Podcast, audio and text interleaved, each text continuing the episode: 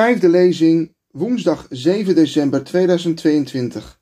De zeven laatste plagen door broeder Aidel Suarez Jr., Verenigde Staten. En ik zag een ander teken in de hemel, groot en wonderbaarlijk. Zeven engelen met de zeven laatste plagen. Want daarmee zal de toorn van God tot een einde gekomen zijn. De zeven laatste plagen zijn de zeven schalen gevuld met Gods toorn die over de aarde zullen worden uitgestort voor Christus terugkeer in heerlijkheid. Deze gebeurtenis is vergelijkbaar met de grote uittocht van de Israëlieten uit hun slavernij in Egypte. Zoals God zijn toorn in de vorm van tien plagen uitstortte over het machtige, afgodische en polytheïstische Egyptische koninkrijk, alvorens zijn uitverkorenen naar het beloofde land te brengen, zo zal God opnieuw zijn vreemde werk tot stand brengen om zijn laatste generatie op aarde te bevrijden en te verlossen. Wanneer het middelaarschap van Christus in het hemelse heiligdom ten einde is, zal de ongemengde gramschap van God over allen die het beest in zijn beeld aanbidden en zijn merkteken ontvangen, worden uitgestort. De plagen die over Egypte kwamen toen God Israël zou verlossen, waren van dezelfde aard als de nog verschrikkelijkere en omvangrijkere oordelen die de wereld kort voor de uiteindelijke verlossing van Gods volk zullen treffen. Volgens bovenstaand getuigenis zullen de zeven laatste plagen verschrikkelijker en omvangrijker zijn dan de plagen die op Egypte vielen. In dit hele artikel worden verschillende mogelijke of waarschijnlijke scenario's vanuit historisch en wetenschappelijk oogpunt naar voren gebracht om de symbolische beschrijvingen van openbaring tot leven te brengen. Vergeet niet dat Johannes beschreef wat hij nooit eerder had gezien en beperkt werd door zijn eigen ervaringen en waarnemingen, net als moderne gelovigen vandaag de dag. Alleen de toekomst zal onthullen wat er precies zal gebeuren maar het zal erger zijn dan de hier gegeven uitleg. De vermaning van een Egyptische schrijver. De geschiedenis lijkt soms cyclisch. De geschiedenis lijkt ook vreemd genoeg de toekomst te echoen als een herhaling van gebeurtenissen uit het verleden. De komende zeven laatste plagen vormen daarop geen uitzondering. Ze zullen de plagen weerspiegelen die over Egypte vielen, maar nog verschrikkelijker zijn. Door Gods genade hebben wij het getuigenis van Ipuwer, een Egyptische schrijver die ooggetuige was van de tien plagen die over Egypte vielen en schreef over de angstaanjagende vernietiging die hij aanschouwde. Zijn papyrus, bekend als De Vermaningen van Ipuwer, wordt bewaard in het Rijksmuseum van Oudheden in Leiden in Nederland. Hier volgt een korte samenvatting van Ipuwers schrijven, niet als een poëtisch, denkbeeldig proza, maar als een historische, feitelijke verklaring. Zo hebben we archeologische bewijzen voor de Egyptische plagen die de Bijbelse optekening bevestigen. Pestilentie is in het gehele land. Bloed is overal. De dood ontbreekt niet. Voorwaar, de rivier is bloed. Toch drinken de mensen ervan. Men deinst terug voor de mensen en dorst naar water. Egypte is een lege woestenij geworden. Het is de verwoesting van het land. Het ontbreekt aan graan. Voorwaar, het lachen is vergaan en wordt niet meer gemaakt. Het is gekerm dat door het gehele land is, vermengd met klachten. Voorwaar, de kinderen van vorsten worden tegen muren geslagen en de kinderen van de hals worden op de hoge grond gelegd. Voorwaar, bomen worden geveld en takken worden afgehakt. Er is geen voedsel. Het vee jammert om de toestand van het land. Voorwaar, overal is gerst vergaan en de mensen zijn ontdaan van kleding, specerijen en olie. Iedereen zegt, er is niets. Het pakhuis is leeg en zijn bewaarde ligt op de grond. Wee mij, vanwege de ellende van deze tijd. Zie, het vuur is opgegaan in de hoogte en het branden ervan gaat voort. De plagen als vergelding voor het kwaad. De zeven laatste plagen zijn het gevolg van ongehoorzaamheid aan Gods morele wet, natuurwetten en gezondheidswetten. Mozes schreef dat vanwege de gruwelen die in het land worden begaan, de aarde haar bewoners uitbraakt, zodat het land onrein geworden is. Ik zal het zijn ongerechtigheid vergelden, zodat het land zijn bewoners zal uitspuwen. Want het land is ontheiligd door zijn inwoners. Zij overtreden de wetten. Ze veranderen elke verordening. Ze verbreken het eeuwige verbond. Daarom verteert de vervloeking het land en moeten zijn inwoners boeten. Daarom zullen de inwoners van het land verbrand worden, zodat er weinig stervelingen zullen overblijven. Evenzo lijkt onze planeet, bij de oude Grieken bekend als Gaia, op een vrouw die weeën heeft die frequenter, intenser en langer worden naarmate de tijd van de geboorte nadert. Want we weten dat heel de schepping gezamenlijk zucht en gezamenlijk in banensnood verkeert tot nu toe.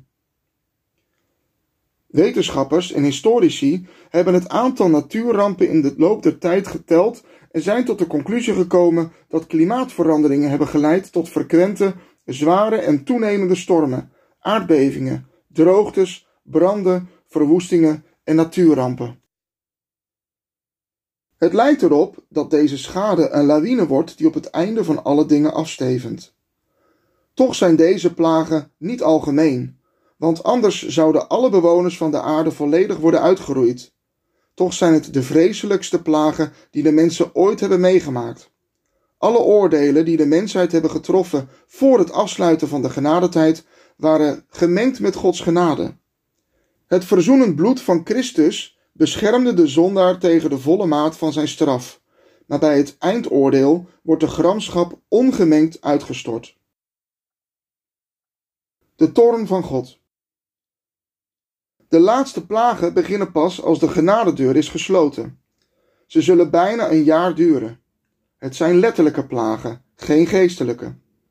Vijf van de tien plagen die op Egypte vielen, duiken opnieuw op als onderdeel van de zeven laatste plagen die op onze planeet vallen. Elke Egyptische plaag werd weggenomen, zodat de volgende kon worden uitgegoten. Maar dat is niet het geval met de zeven laatste plagen. Hoewel niet universeel, houdt de eerste plaag niet op wanneer de tweede begint en zo verder met elke volgende plaag, totdat alle zeven tegelijk hun afschuwelijke gevolgen hebben in verschillende gebieden met een enorme wereldwijde impact. De eerste plaag lijkt op de zweren waar de Egyptenaren onder te lijden hadden. De Bijbel zegt dat bij de mensen en de dieren zweren ontstonden die als puisten openbraken. Johannes schrijft: Er kwam een kwaadaardige en schadelijke zweer bij de mensen die het merkteken van het beest hadden en die zijn beeld aanbaden. De huid is onze eerste barrière tegen microbiële en virale aanvallen. Deze zweren zijn huidzweren die als blaren uitbreken en jeuk en pijn veroorzaken.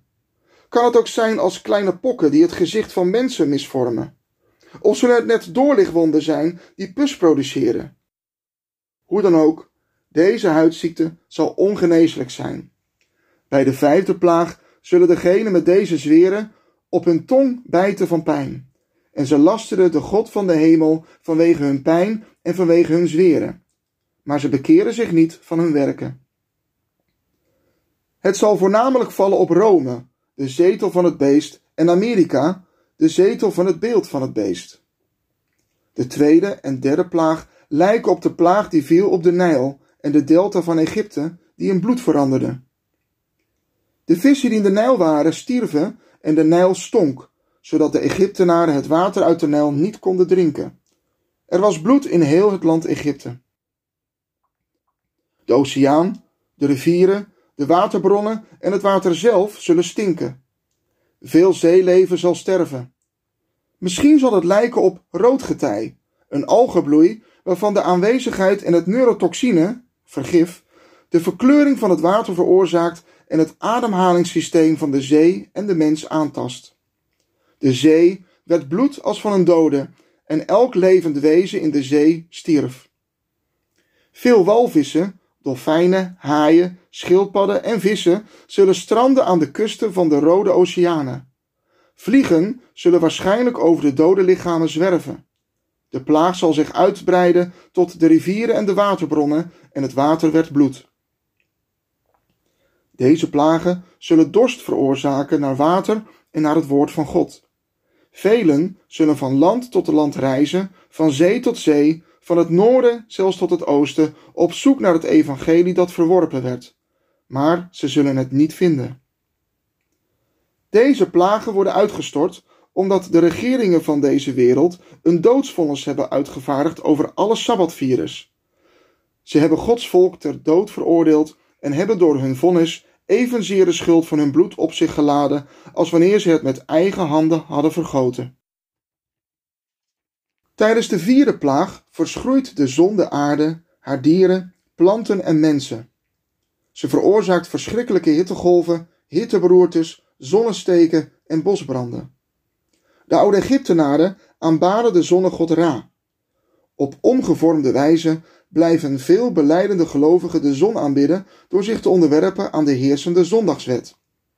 Onder de te verwachten intense uitstoot van broeikasgassen, aantasting van de ozonlaag en klimaatverandering kwijnen de moderne zondagsaanbidders weg, storten in en sterven. Macht werd gegeven aan de zon om de mensen te verzengen door grote hitte.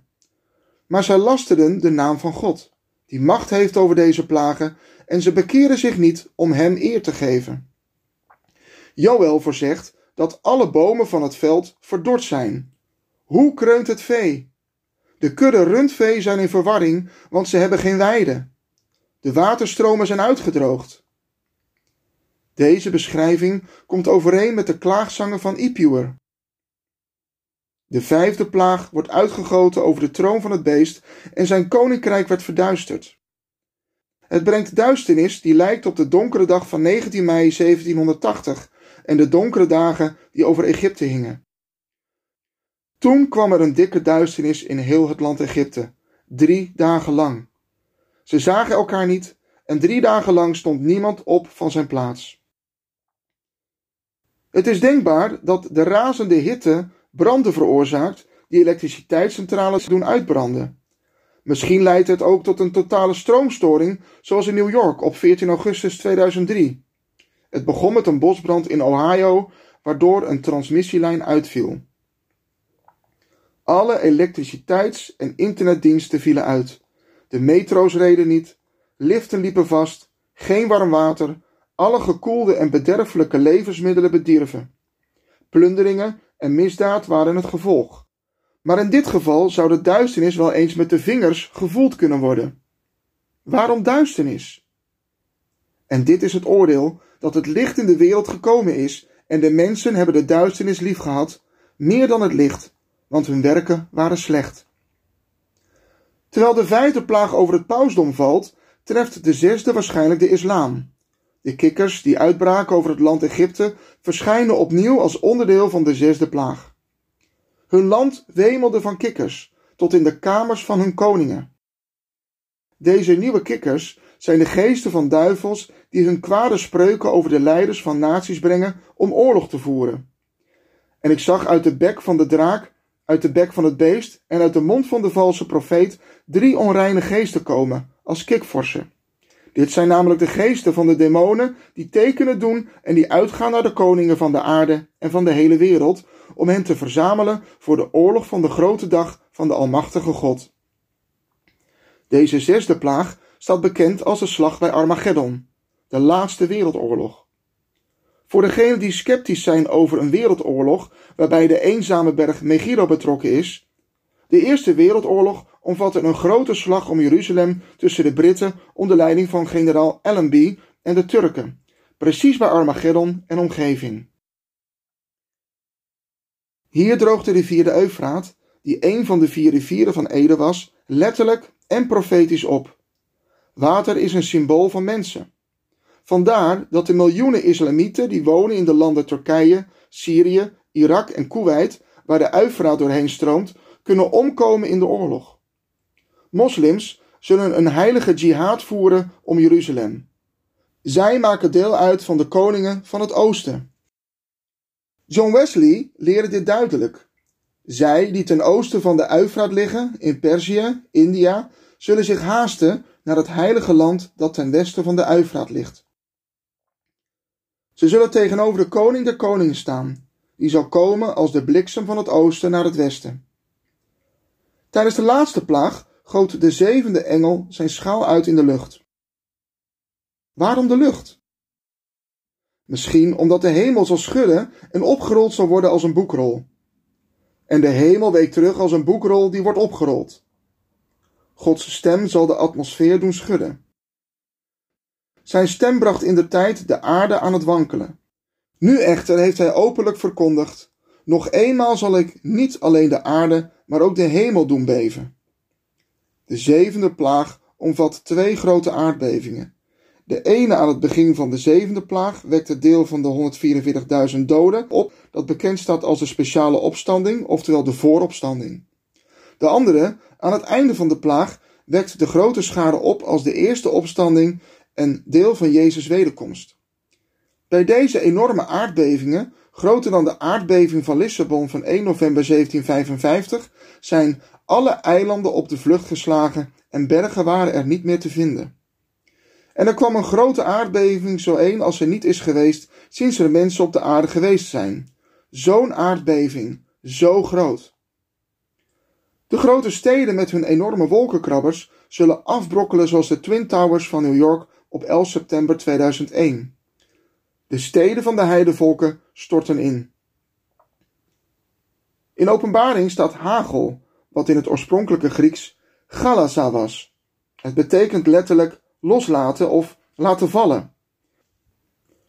Dus is het hagel, zijn het hagelstenen, meteorieten, vuurballen, of is het allemaal, of toch iets anders?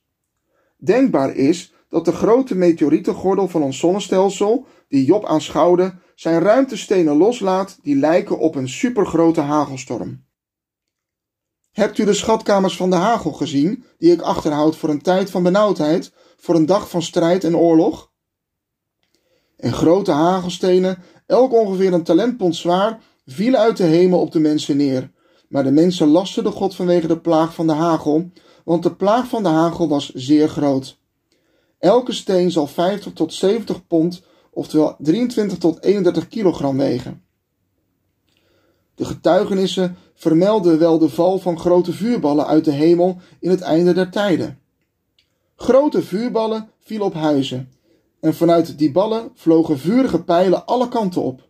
Het was onmogelijk om de branden die op die manier ontstonden onder controle te krijgen en er werden veel huizen verwoest. De angst van de mensen was onbeschrijfelijk. Na een tijd werd ik wakker en bleek thuis te zijn. De wereld zal oorlog voeren tegen Christus en zijn Heer dat in de wolken van de hemel komt. Maar zij die geroepen, uitverkoren en trouw zijn, zullen overwinnen.